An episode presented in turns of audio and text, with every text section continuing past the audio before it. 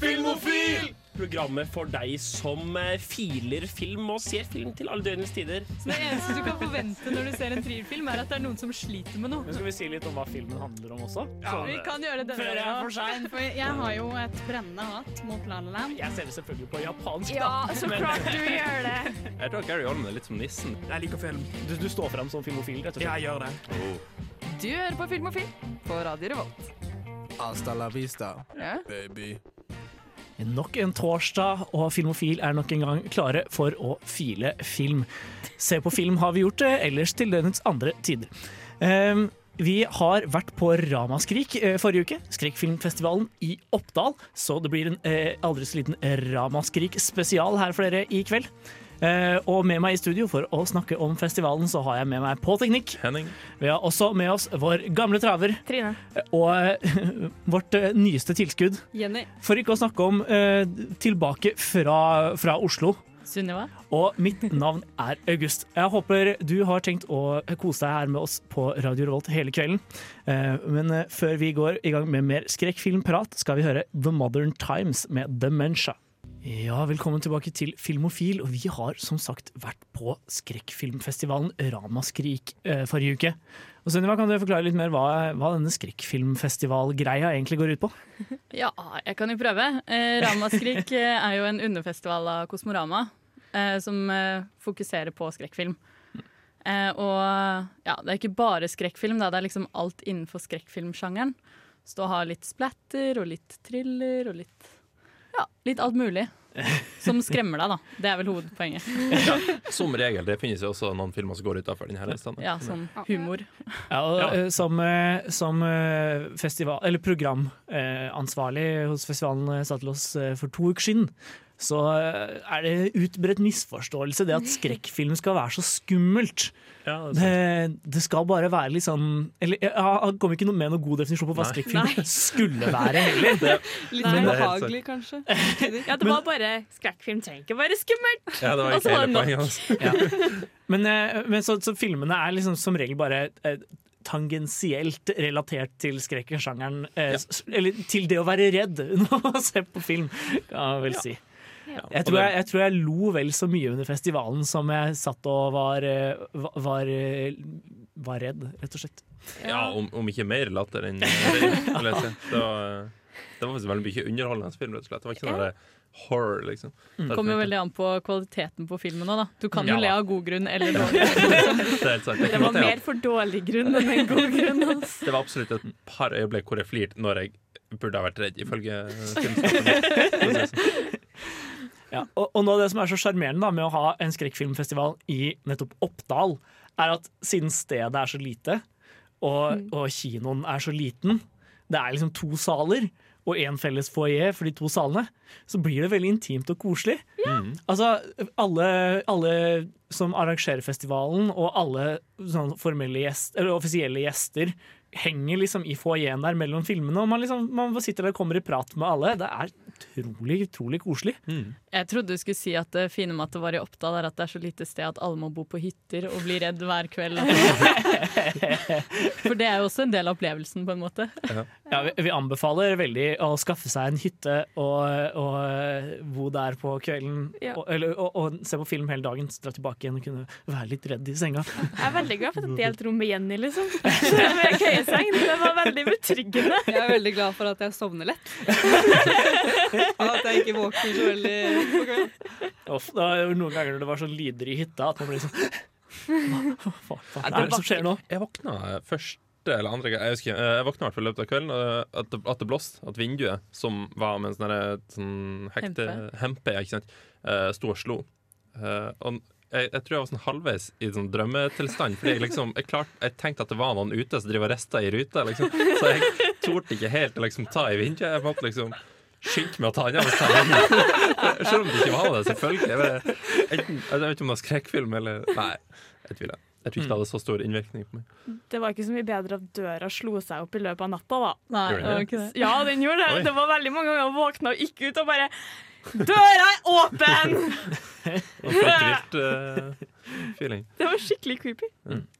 Så eh, vi, jeg tror vi fant liksom uh, måten å gjøre skrekkfilmfestival på. Lei en hytte, dra som gjeng, uh, og så Bli drept. Ja, ja, ja bli drept. Og pass på at du drar på en liten nok skrekkfilmfestival til at det er eh, Til at det blir intim og koselig stemning, og alle er venner. Ja. Det, er jo ikke, det er jo ikke bare selve filmtittinga, altså. det er jo også veldig veldig festlig filmquiz som vi har, eh, har hvert år, med teite filmrebuser og ja, også et par spesialarrangement. Ja, noe du gjorde i år også, jeg vet ikke om du gjorde det i fjor, men det var jo at folk gikk rundt i kostymer også.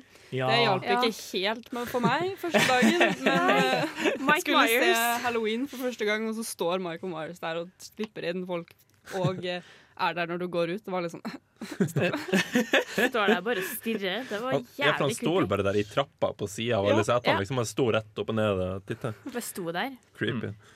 Ja, og, og dagen etterpå så var det nonna fra, som vi kanskje snart får se i The Nun. Ja. Og sykepleieren fra Silent Hill. Ja, det, det, var, det var mange hyggelige karakterer som traska rundt på Oppdal kulturhus eh, Ja. forrige helg. Men eh, ja, så er i hvert fall det vi skal snakke om. Eh, gå nærme inn på mange av filmene. Jeg tror det blir en bra sending vi har på laget for dere. Ja. Nå skal vi høre Cloud Nothings med So Right So Clean, før vi snakker litt mer om selve filmutvalget på festivalen. Ja, og eh, skrekkfilmfestival, det høres jo for mange veldig snevert ut. Eh, og, og veldig fælt ut.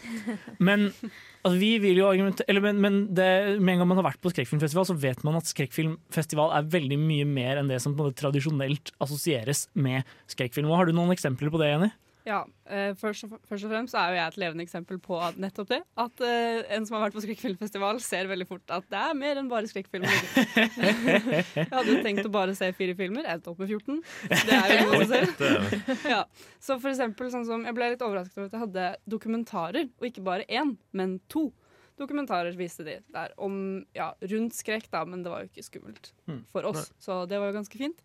Og uh, sånn filmer som Anna and the Apocalypse var også ganske overrasket over å være der, for den var mer sånn feel good-film for meg, i hvert fall. Ja, det var jo en musikal. Det var ikke feel good, da Zombie-musikal. Ja, okay, Det kan vi komme tilbake jo- etterpå. De kalte det vel i hvert fall eh, festivalens sjarmtroll. Ja, Så- Det kan jeg være enig i. Ja, ja. Feel good, derimot. Det var jo veldig feel good til tider. Jeg er litt enig enig. Det var ikke det. Den var liksom like inspirert av Shaun of the Dead som den var av High School Musical, Ja. Ja. på, på godt og vondt. Ja. Men det, og, altså, jeg, jeg må jo si at liksom, Noen av de filmene vi var på, som kanskje strengt talt befant seg i skrekkfilmsjangeren, men som på en måte alle, alle merka at den var lagd for å være morsomme. Og så er det liksom morsomt, eller komisk eh, eksempel på det. Altså, eh, vi var jo sånn The Puppet Master, eh, Sunniva. Mm. Og det var veldig tydelig at den filmen ikke på noe tidspunkt prøvde å være skummel.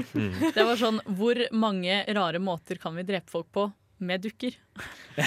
Men, men det er litt sånn Når du har kommet i 13. filmen i filmserien, så er det sånn Jeg tror ikke vi orker lenger. Nei. Hæ? eh, Er det 13 filmer i den Ja, det- Dette var min, min første, da. Ja, Den What? første kom i 89. Så det er liksom, det har bare kontinuerlig kommet nye Puppet Master-filmer. liksom. Og jeg Altså- tror de har bare blitt mindre og mindre seriøse. Ja. Men altså, da er jeg jo faktisk enda mer imponert over måtene de klarte å drepe folk med dukker på. For det er sånn 13 filmer. Det var, jo, det var jo dritmange drap i den. De drepte jo folk som bare det. Ja. Må jo virkelig være fantasifulle mennesker, da. Mm. Um, uh, det er liksom, de, har jo, de har jo også filmer som bare tar en sånn omasj til skrekkfilm, som 'Videomannen', som vi kommer tilbake til etterpå. Mm. Som liksom var Når den møtte meg, så var det bare sånn Yay, det er noe som ikke er sånn kjempe, kjempeskummelt. Ja, for den er jo på mange måter i praksis sosialrealisme. Den handler jo om liksom, eh, fortapte sjeler i det moderne samfunn som har falt liksom på sida, eh, og, som, eh, og, som, og som finner trøst i hverandre. Og så er det filmer som One Cut of the Dead som handlet mye mer om å lage film enn uh, om skrekk, Ja. egentlig. Ja.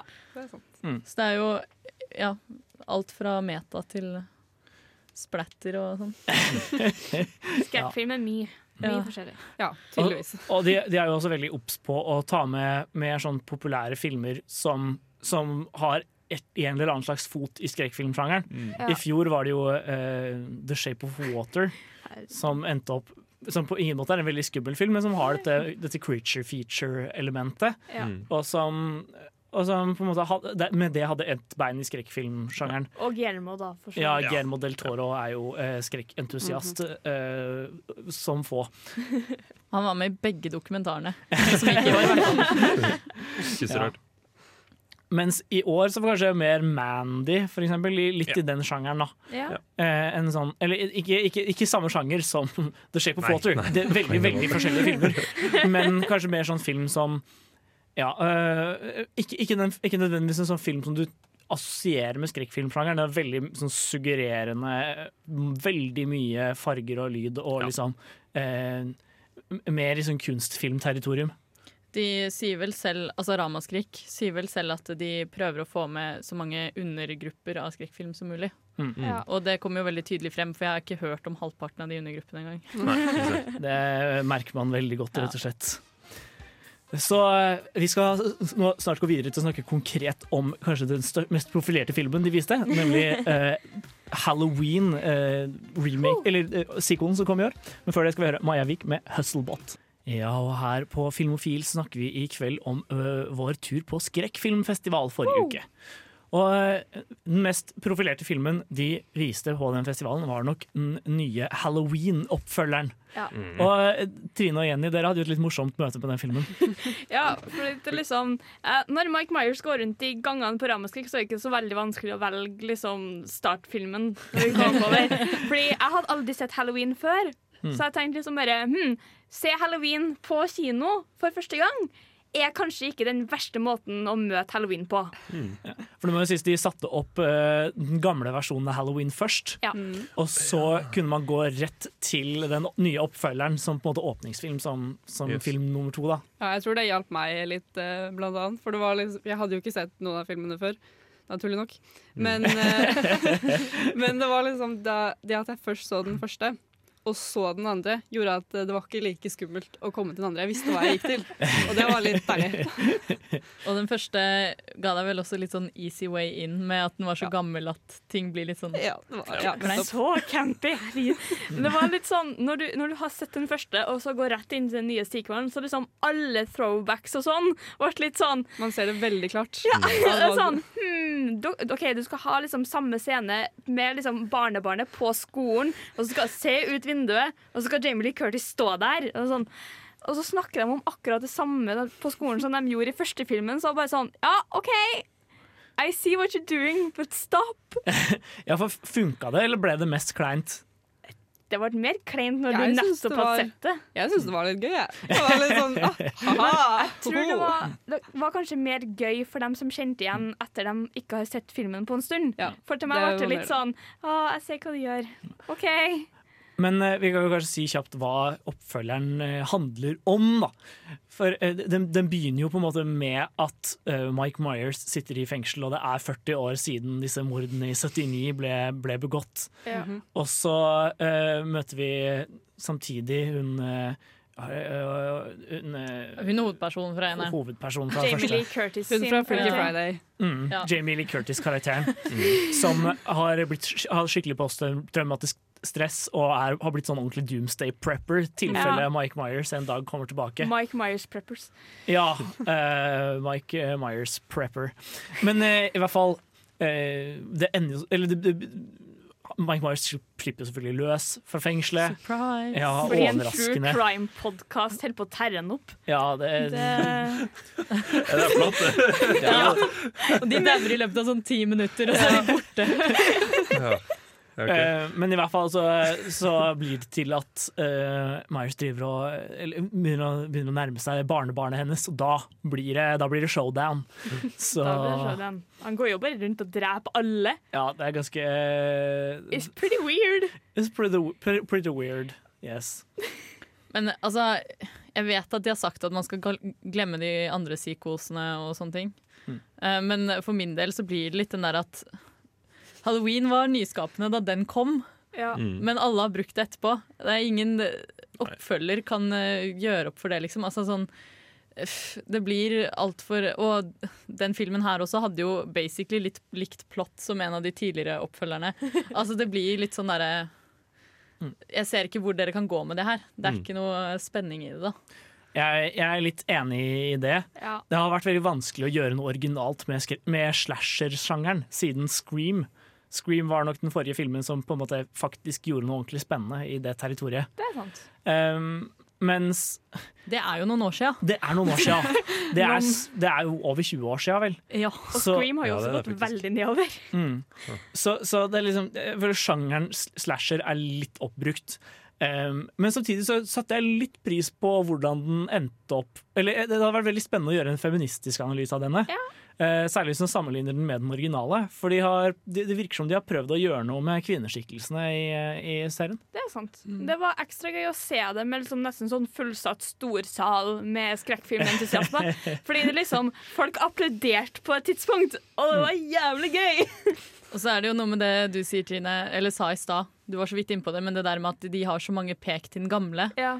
Det at de driver Altså, de retter seg jo mot publikum som har levd, levd og åndet for å få denne filmen, liksom. ja, Og det hjelper jo også veldig på filen og nostalgien og sånn i det. det er sant. Altså det, var, det var i det store og det hele en kul åpningsfilm til den festivalen vi var på.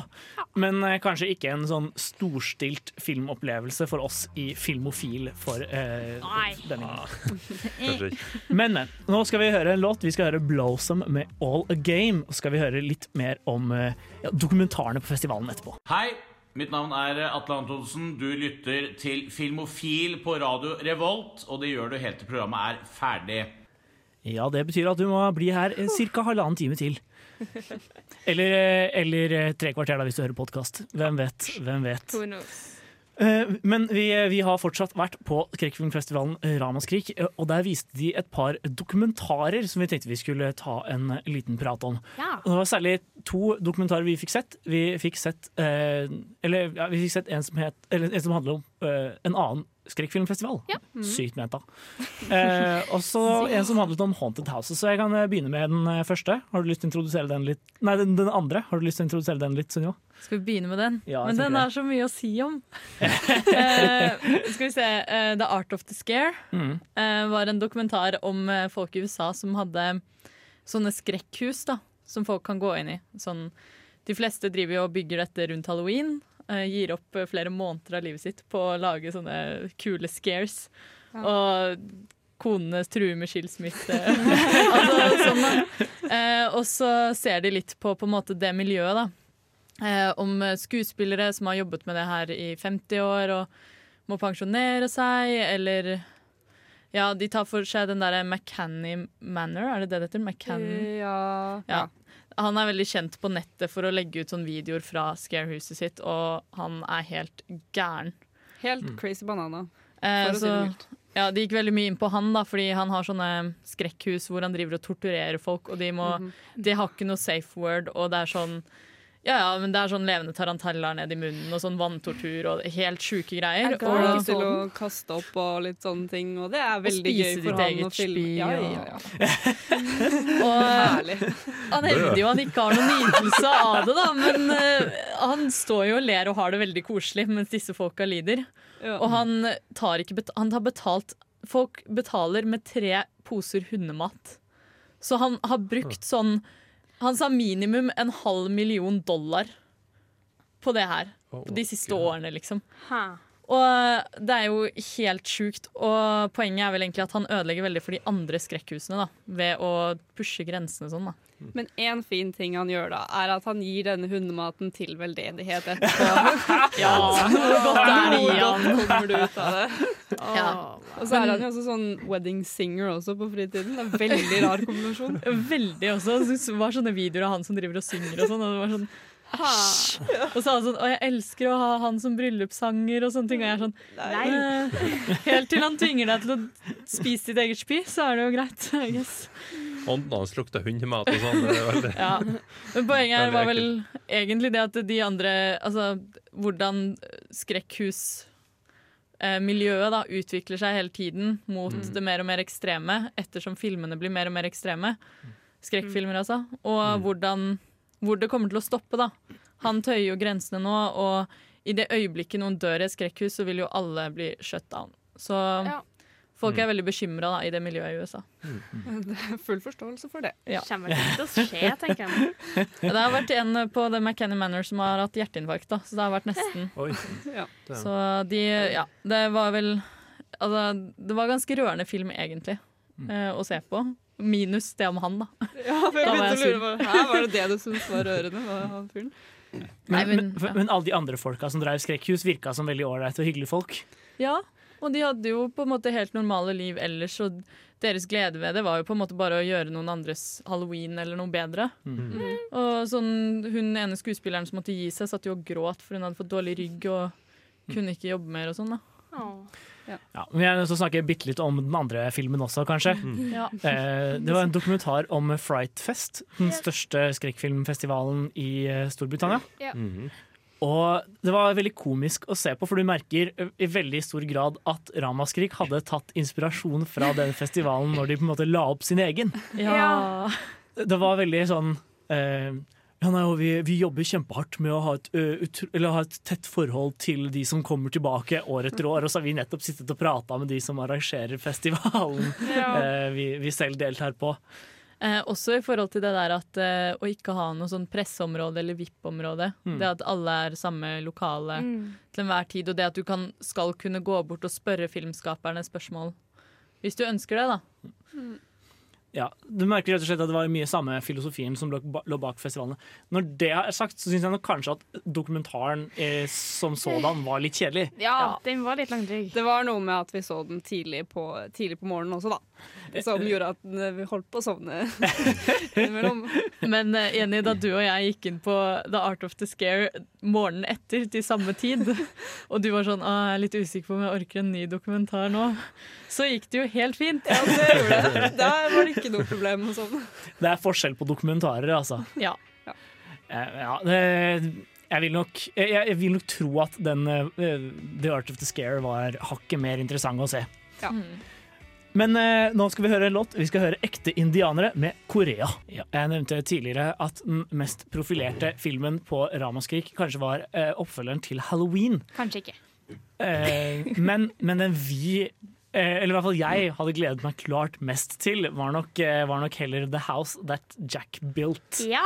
For eh, Ramaskrik fikk førpremiere på den nyeste filmen til Lars von Trier. Har du lyst til å si litt om den, Henning? Ja, hvis stemmen min lar meg gjøre det, for jeg fikk noe i halsen. Ja.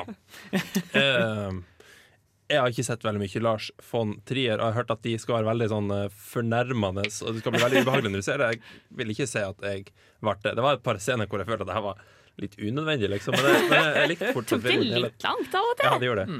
Det handler altså om seriemorderen Jack, en veldig intelligent mann, som blir uh, dytta over kanten av ei særs irriterende dame. Uh, Dreper henne og legger henne i fryseren sin. Uh, fryserrommet sitt, et digert fryselager.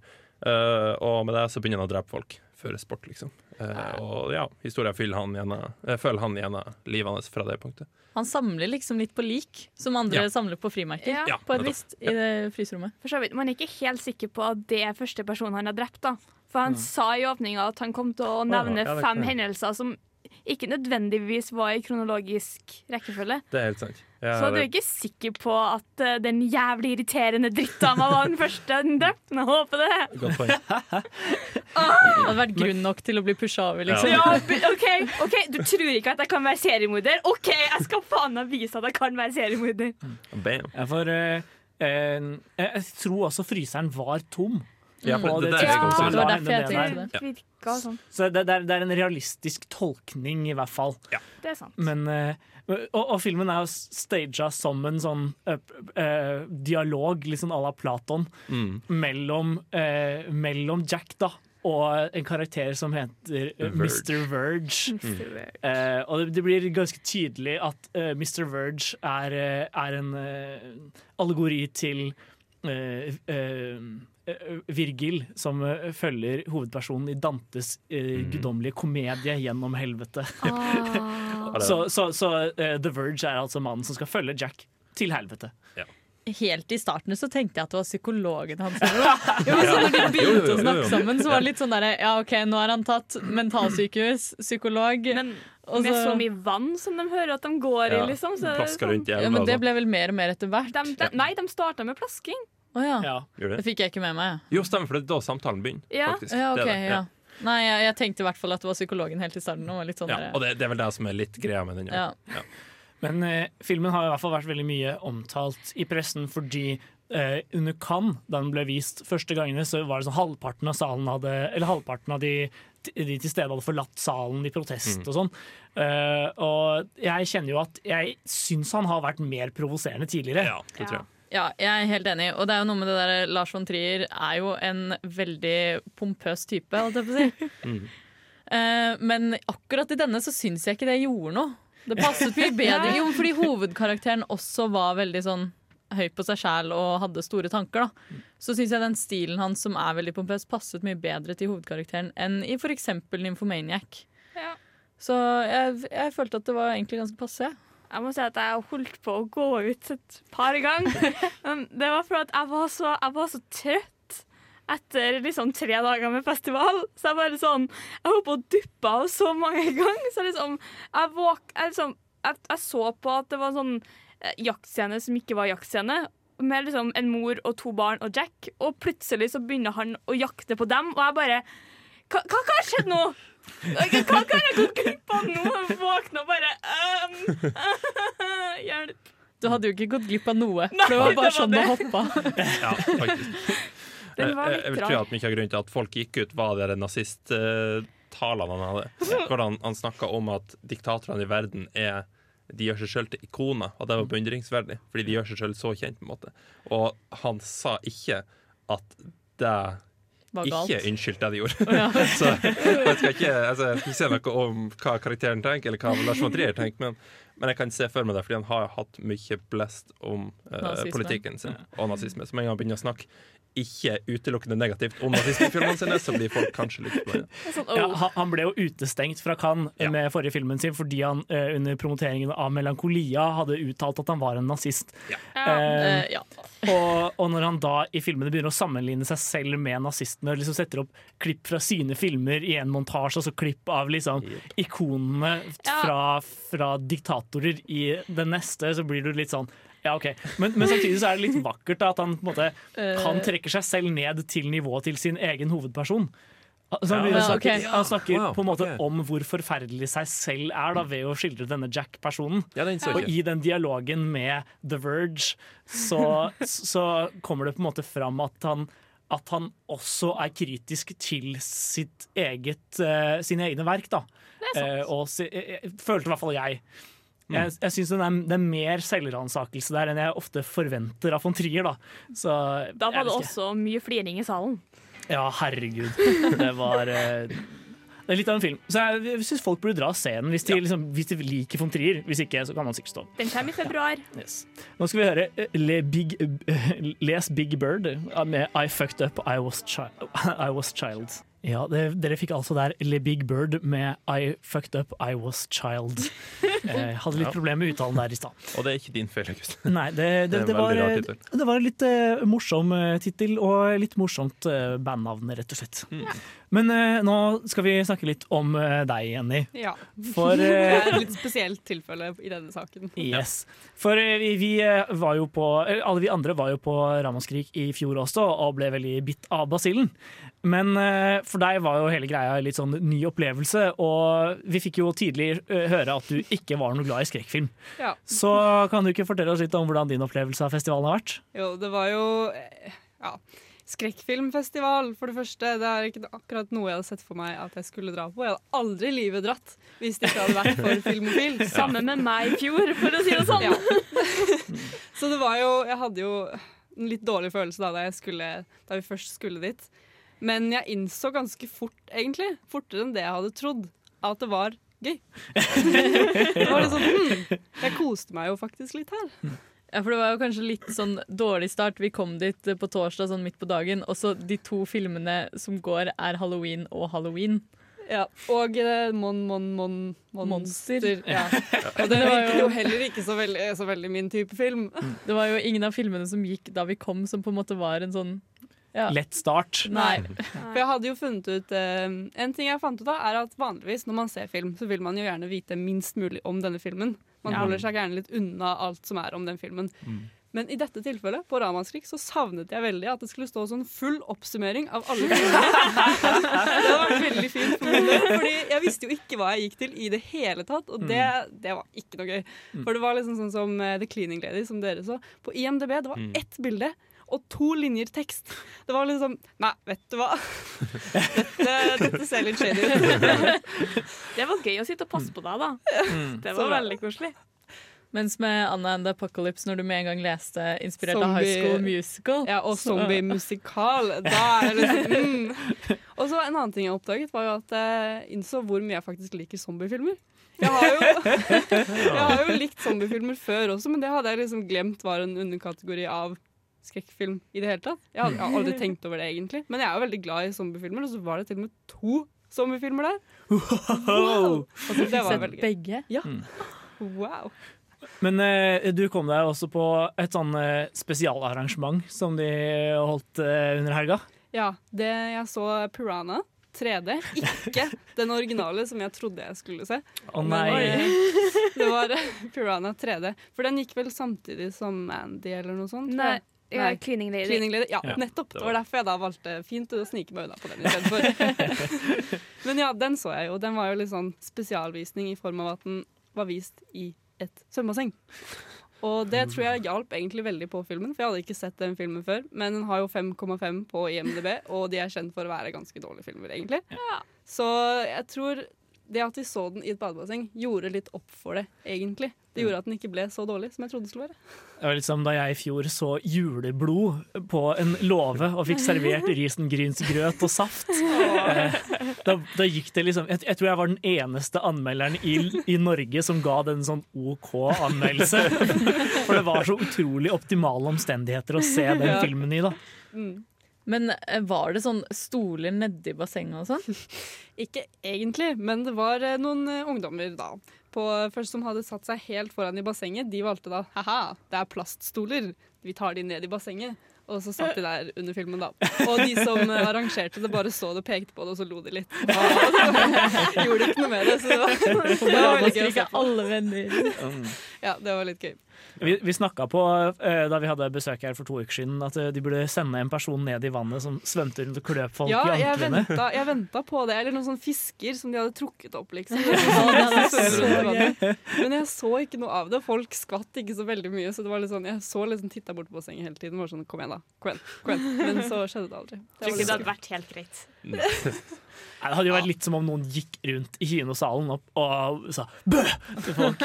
Ja, og ikke bare det, men liksom strøyk deg i nakken. Og sånt, liksom, og sånt. Det er, noe, det er noe som Jan Markus, som var med i Filmofil før, kunne fint funnet på å Ja, gjort. Har dere ikke gjort det på kino? Jeg har gjort det. Har du det? Ja. Tatt på folk, liksom. Nei, altså, med folk jeg kjenner, da. Oh, ja, så, jeg har gjort det. Du har ikke sittet der og satt på de på raden foran og bare 'Nå ser vi skrekkfilm'. Skal vi prikke deg litt. Jeg tok på beina til en venninne av meg på Harry Potter 5, og hun la seg ned på gulvet. ja. Men, men i det store og det hele så hadde du en fin helg, du også. Jeg hadde det. Ja, det er Bra det, da. Vi ikke har traumatisert deg for livet eller noe sånt. Eh, Vi skal senere eh, høre, snakke om, om The Cleaning Lady, som ble nevnt nå. Men før det skal vi høre Selmer med 'Feeling Down'. Ja, Før vi hørte 'Feeling Down', så snakket vi litt om en film som het 'The Cleaning Lady'. Eh, og vi var så heldige å få et intervju med to av skaperne bak filmen. Det er en amerikansk indie-produksjon, så jeg tenker vi rett og slett bare hører på det intervjuet. We're now lucky to, to be here with Uh, a few guests from, from abroad, and you can start with introducing yourself. Yeah, hi, my name's Alexis Kendra. I'm the co writer, producer, lead actress, and production designer of The Cleaning Lady. I'm Jimmy Nelson, and I'm the executive producer of The Cleaning Lady. Yes, could you tell us what, what this film is about? Yeah, sure. The film really is about. Um, I feel like I can answer this in so many ways, but it's, it's really it's it's about a, a, a, woman named Shelley who's a, a burn victim housekeeper, and she becomes increasingly and psychotically obsessed with a woman whose apartment she cleans.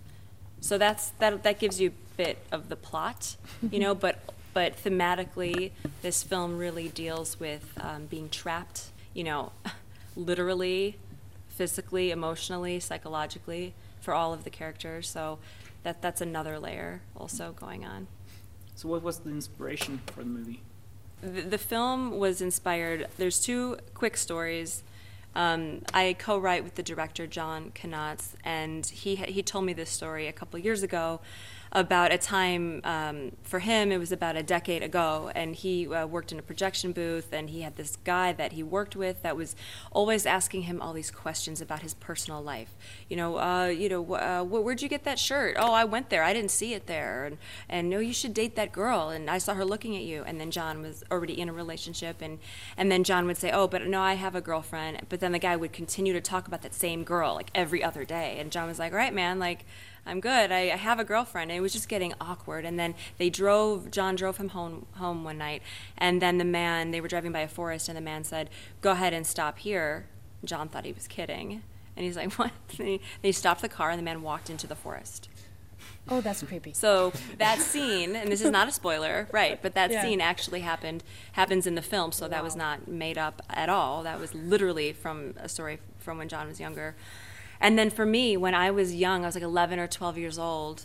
Um, I had a, a friend named Shelley, and she really was more of, a, of an outsider in the school for whatever reason. I think kids at that age are cruel anyway.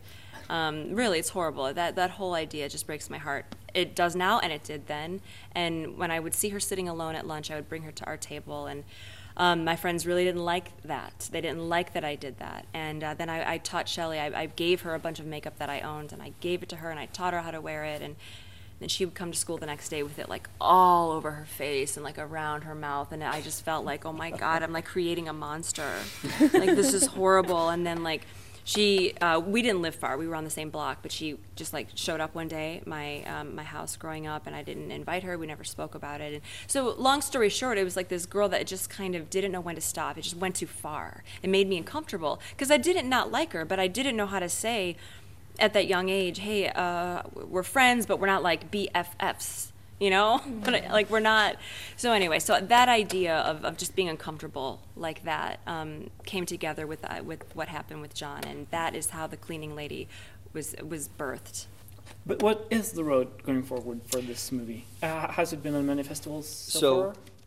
we had our world premiere a few weeks ago in London at Fright Fest Film Festival, and we're in I think seven or eight festivals now uh, around the world. We're in uh, Motel X in Portugal, and Orbita in Mexico City. The German festival, I think it's called Grimmfest. It's in it, it's in Munich, Berlin, Cologne, and I think Frankfurt. So they actually take a festival and move it to four different cities, which is really neat. Uh, and a couple of other. We're in a small one in Hollywood, California, and a, a couple of others I can't think of. You know, the way it works for us is that this is a this is an independent project, so we don't have a studio waiting for it, and we're working with uh, a sales agent who's based in London who specializes in genre films. And you take your film and you go to different markets and you sell it within each market around, and there's like 50 markets around the world. And so um, we've sold it in the UK market, and we've sold it in Taiwan, and the Middle East is a, a market by itself, and Scandinavia is a market. And just uh, last night and this morning, we met with a distributor who specializes in Scandinavia. He's Norwegian. He specializes in Scandinavia, and so uh, and he's going to meet with our agent, um, I think next week. So we're hoping that you know it'll be available to you guys soon, like maybe through a video on demand, or uh, you know, and it's up to the distributor to decide what they do in each market. Like in the UK, they're going to put it on DVD and they're going to put it on some video on demand, but then six months after that, they know they're going to sell it to television.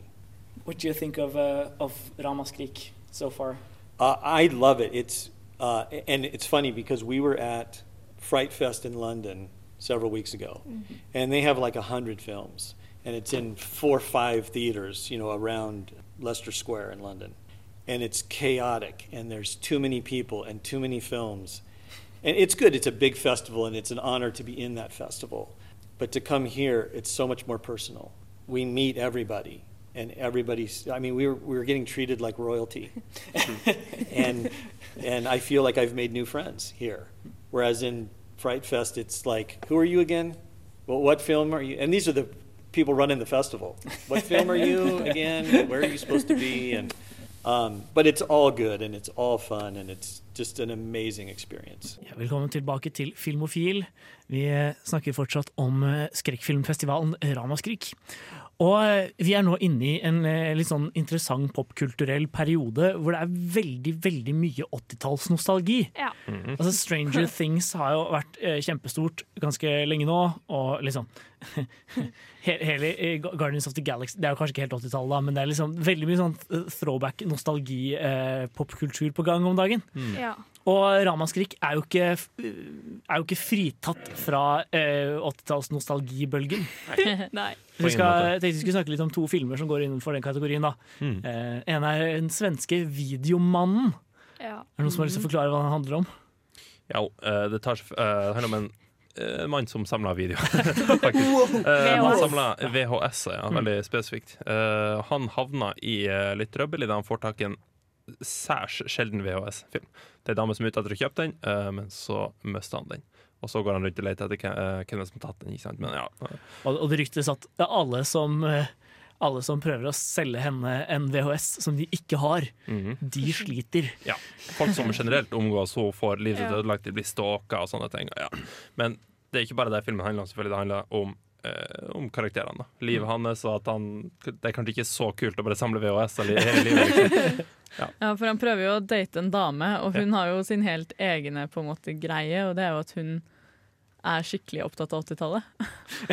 Så hun eh, sminker seg som om hun levde på 80-tallet. Hun krepper hår og sånn. Det ser Ja. skikkelig Ser ikke bra ut på en 50-åring, da. Nei, Litt. Eh, alkoholisert. Litt Ja, er alkoholisert, ja. Ja, og det er jo henne han kjøper denne VHS-en av. Mm. Så gjennom Zombie. det så blir jo de kjent. Eller han får, får vel nesten en Ja, han kjøper den veldig billig, i hvert fall. Ja. Men eh, de blir i hvert fall kjent og begynner å date litt også, så det handler jo veldig om forholdet dem imellom òg. Mm. Og det er på en måte to ensomme sjeler som finner hverandre, da. Og så er det jo en evig omasj til film, da. Ja, Ja. Og liksom, og mye skrekkfilm. Han, hovedkarakteren heter jo Ennio. Ja. Så liksom, hver gang jeg møter noen, så er det sånn som Morricone, og folk er bare Hvem faen er Morricone? Og jeg, Veldig kjent musikk! Ah, come on! Men han eh, regissøren var jo på Ramaskrik og fortalte litt om det også. Han sa jo selv at han var veldig glad i skrekkfilmer, og han var veldig glad i film. Så det, var Ja. liksom, det ble fort en film i den kom med den kombinasjonen. Da. Og Ja. det, var jo, det ser man veldig tydelig også i Videomann. Eh, men ja, for han regissøren sa jo liksom at det var en hyllest til nostalgien og sånn. Men jeg følte egentlig den var ganske kritisk til nostalgi. Mm. Ja. I og med at de på en måte Ja, alle sammen hadde helt kjempekjipe liv. Og, Ja. Samtidig så var jeg føler den var en hyllest til 80-tallskulturen, selv om den ikke nødvendigvis var en hyllest til nostalgien. da. ja. Den, den var veldig kritisk til deres på en måte, flukt tilbake i tid, men samtidig så var den veldig, veldig glad i den tiden de egentlig lengta tilbake til. Ja. Men vi må nesten snakke litt om The Summer of 84 også, Ja, for det var en av ja. dine favoritter, Trine. Det var kjempebra, det. Er helt enig.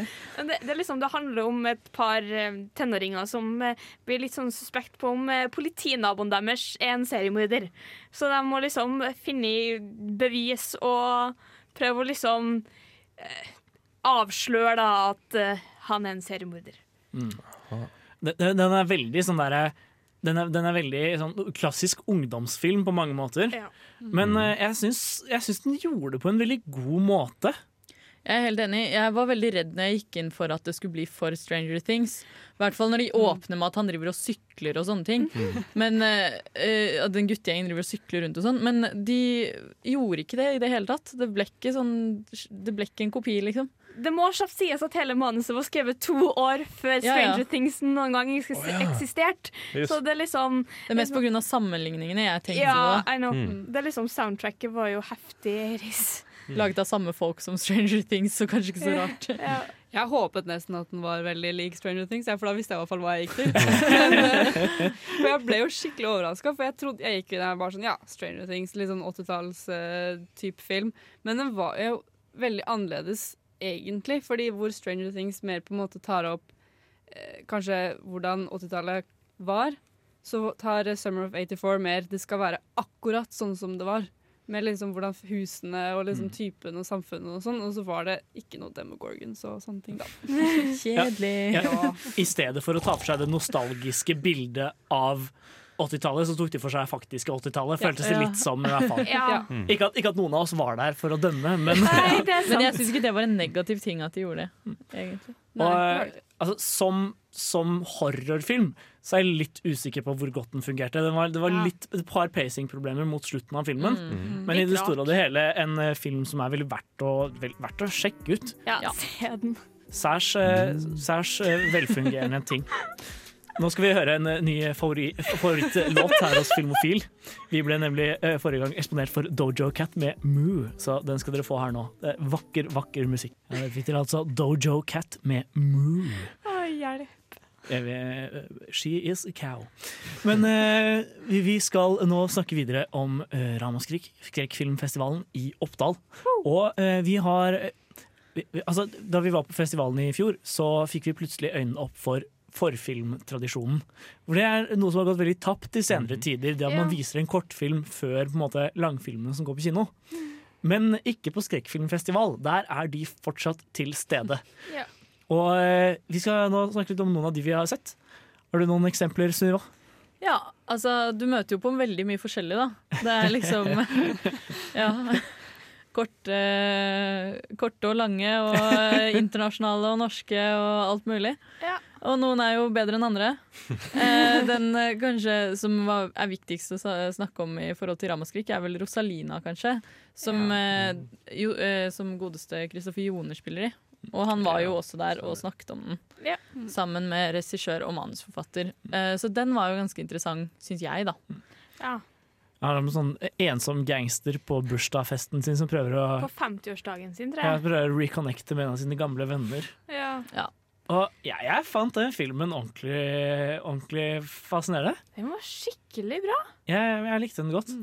Altså, Håndverket syns jeg var veldig fint, men eh, jeg må si jeg er litt lei av sånn gutter som lager filmer om gutter, og at gutter faktisk har følelser. Sånn 'Å, gangstere er sykt kule', og Men det er følelser bak han. Han ville jo bare liksom få fortalt at jeg elsker deg, da. Ja, jeg gledet meg veldig til den, men jeg, jeg føler liksom dette har jeg sett før. Eh, Følelsen veldig tydelig, da. Men jeg syns det var veldig gøy å høre dem snakke om den. Det gjorde jeg etterpå. Ja, og, og jeg syns jo at akkurat denne filmen er kanskje litt uh, urettferdig kritikk mot, i og med at han virker så utrolig patetisk. Han er liksom Altså, jeg, jeg trodde uh, hele starten av filmen at han bare var en sånn patetisk gammel mann som øh, hadde bursdagsfest, og hvor det ikke kom noen venner. Satt han der alene og drakk sprit, liksom. sprøyter i kaka si og sånn. Han hadde det vel gøy med seg, for seg selv, da. Eller så var han bare skikkelig på kjøret. Det var, men altså, jeg vet ikke. Det, det, er, det var iallfall en uh, film som skal være verdt å sjekke ut. Men vi så jo en del andre forfilmer også. Ja. Dere, jo- dere så jo et par internasjonale, Trine og Jenny. Ja, det gikk jo en del Jeg tror det var til nesten hver film.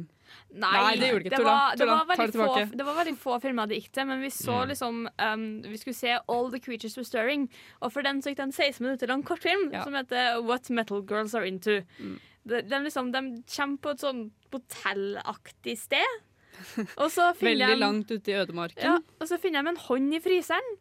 Og så er de litt redd for han som eier stedet, for han er der. Og det er bare han som er der også. De kommer, og så er han bare sånn hei, hei!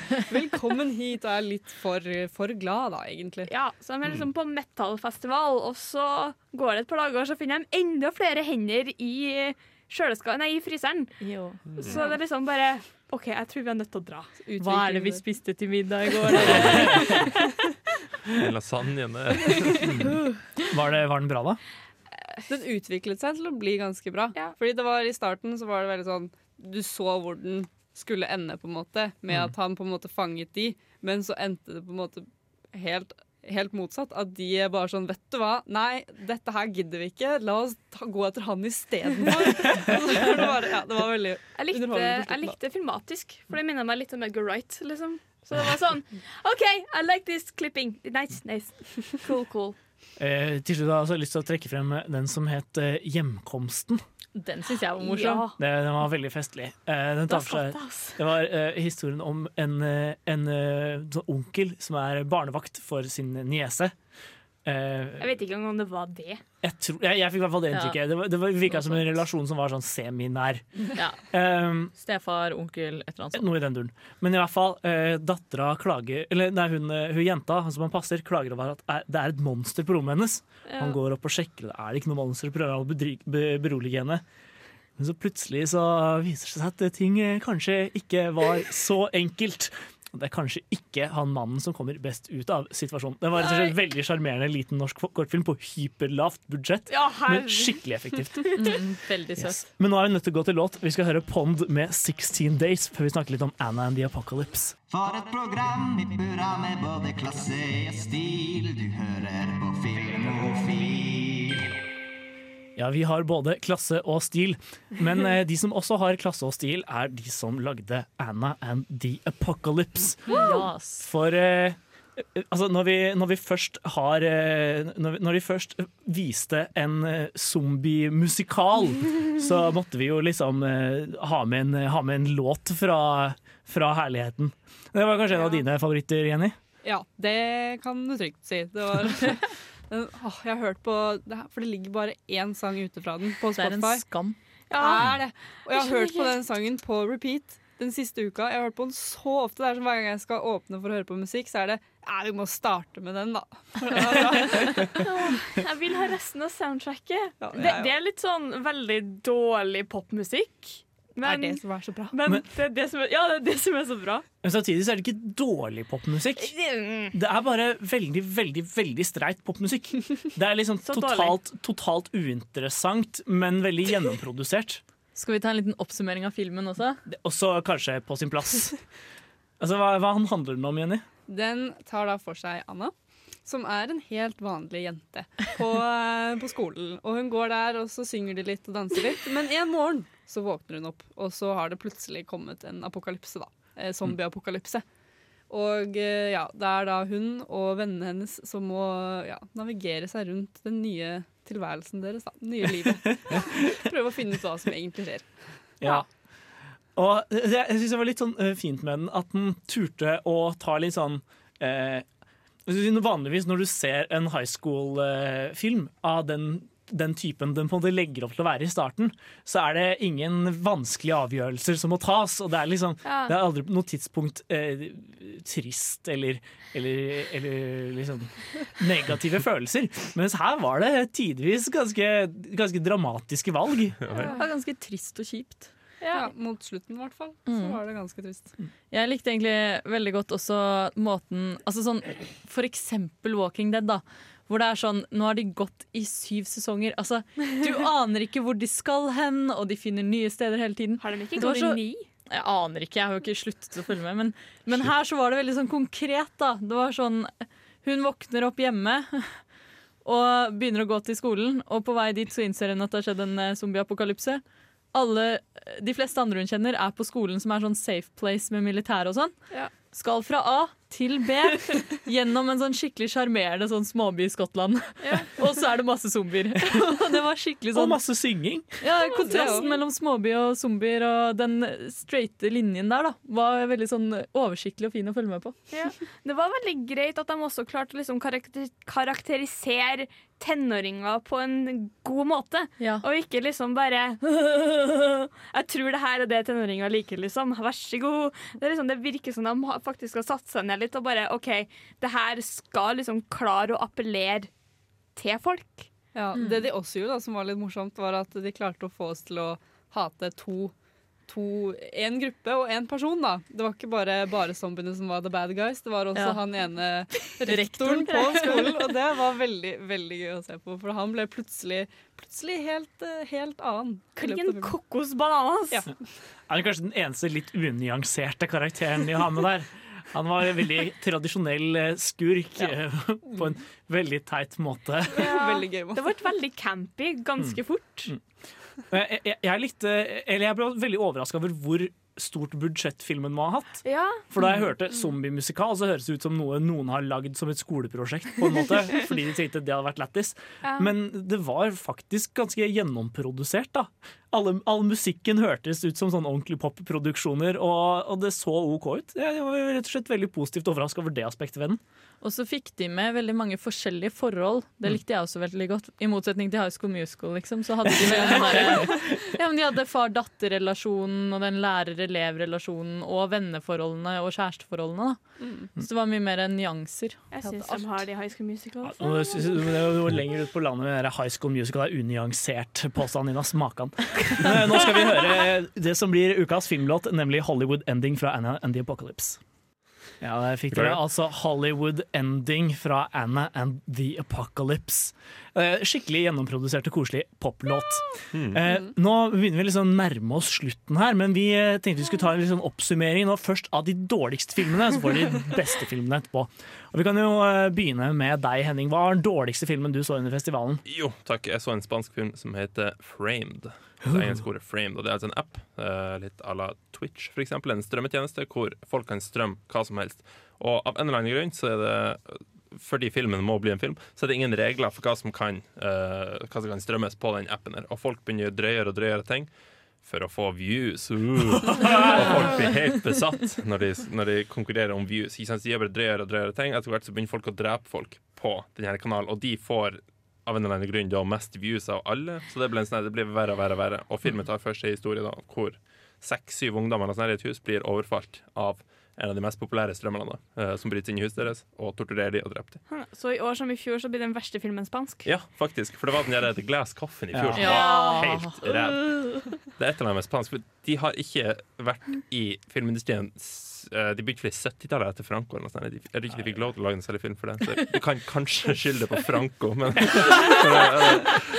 Jeg vet ikke om jeg skal gi det den. Liksom. Franco, skyld i den dårligste filmen på Ramaskrik. Trine, da? Um, All the Creatures Were Stirring, som jeg så vidt nevnte i stad, det er en liksom antologiskrekkfilm. Er ikke det beste i verden, for å si det sånn. Det var veldig dårlig skuespill, og det var veldig mange dårlige sekvenser, og en morderisk Rudolf som bare var helt bra. Jeg og Jenny flirte ganske mye da. det, Det, det skal han ha. På godt eller på vondt? På litt begge deler, egentlig. Noen ganger så var den litt morsom.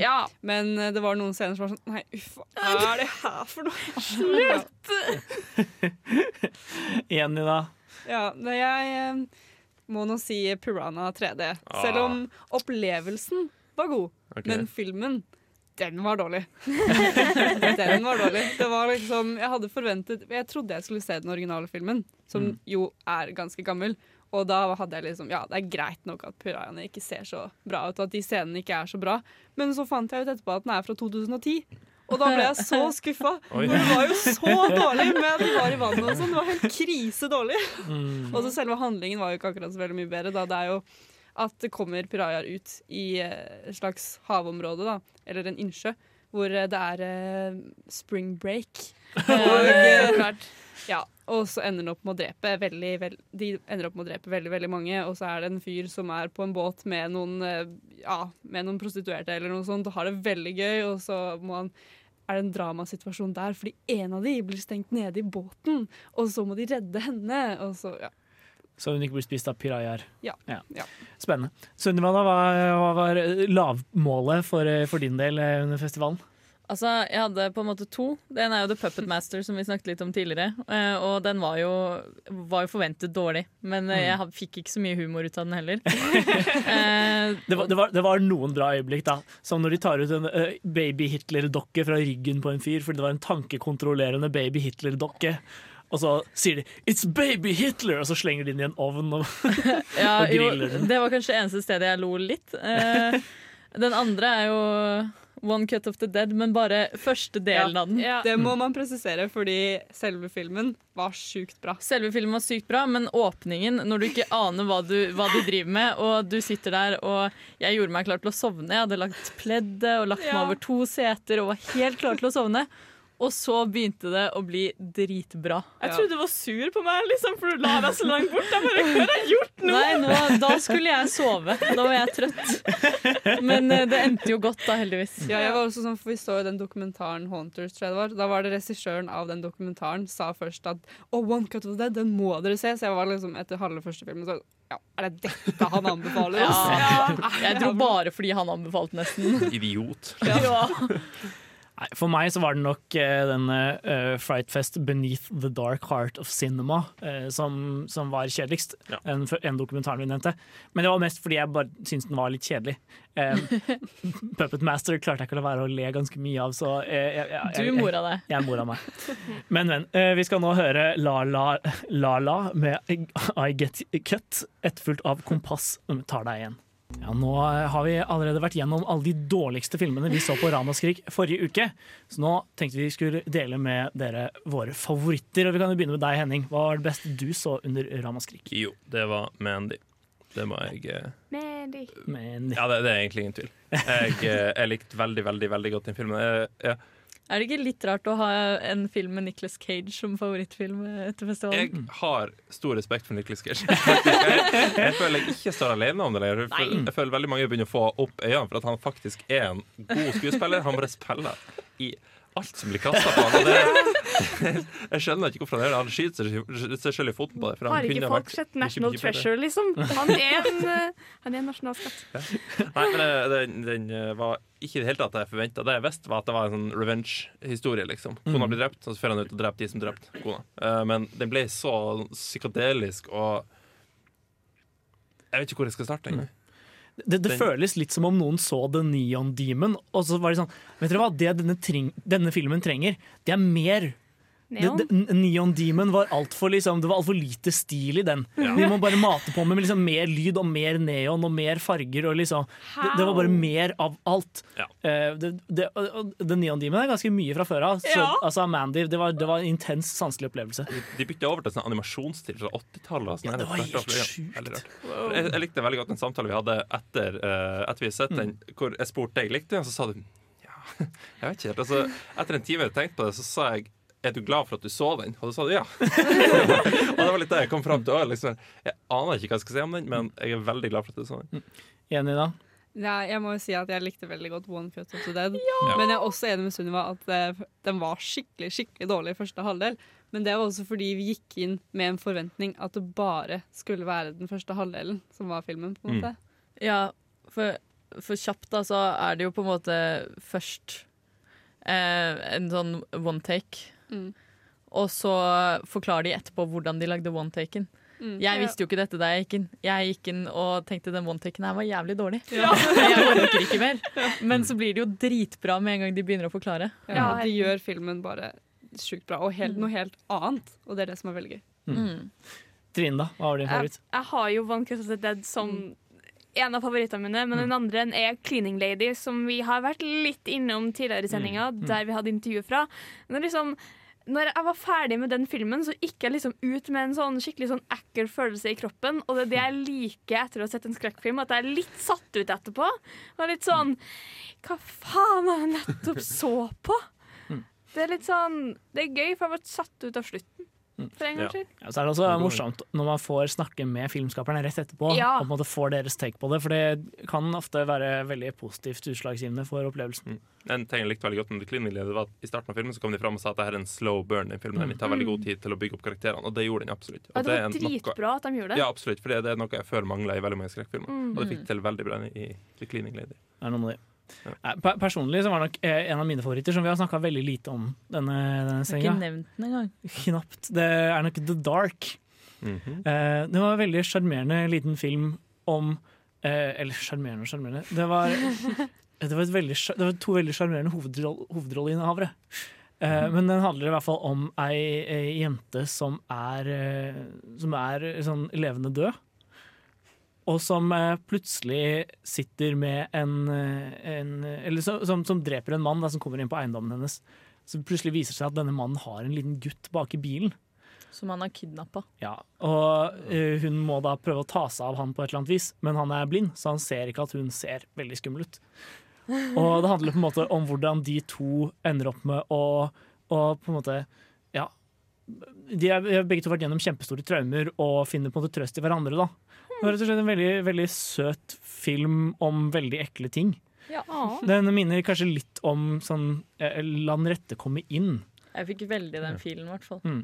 Så ja, og, og noen av de spanske eh, filmene om sånne små uskyldige barn i veldig, veldig ekle omstendigheter. Så da hadde du en favoritt? Nei, altså Dere har jo vært veldig flinke til å oppsummere her, da. det er jo The Dark og One Cut of the Dead, men så må det også sies at jeg, i motsetning Eller ja, man kan jo diskutere det, men i hvert fall jeg personlig likte The House That Jack Built kjempegodt. Mm. Og syns at den var dritbra, og at alle burde se den. Kanskje ikke Og ikke gå ut. Ikke gå ut av salen. Bli der. Den er, Bli ikke, der. den er ikke så provoserende.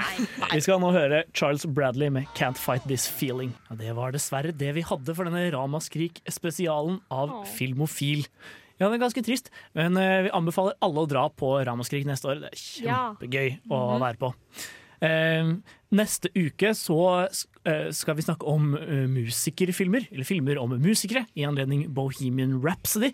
Det blir spennende. Da blir ukas hjemmelekse Whiplash.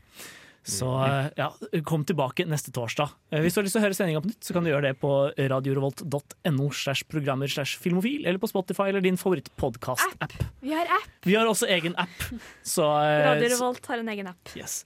Med meg i studio i dag har jeg hatt på teknikk. Henning. Gamle traver. Trine. Jeg har også hatt med meg vår nykommer. Jenny. Og eh, tilbake fra Oslo. Sunniva. Og mitt navn er August.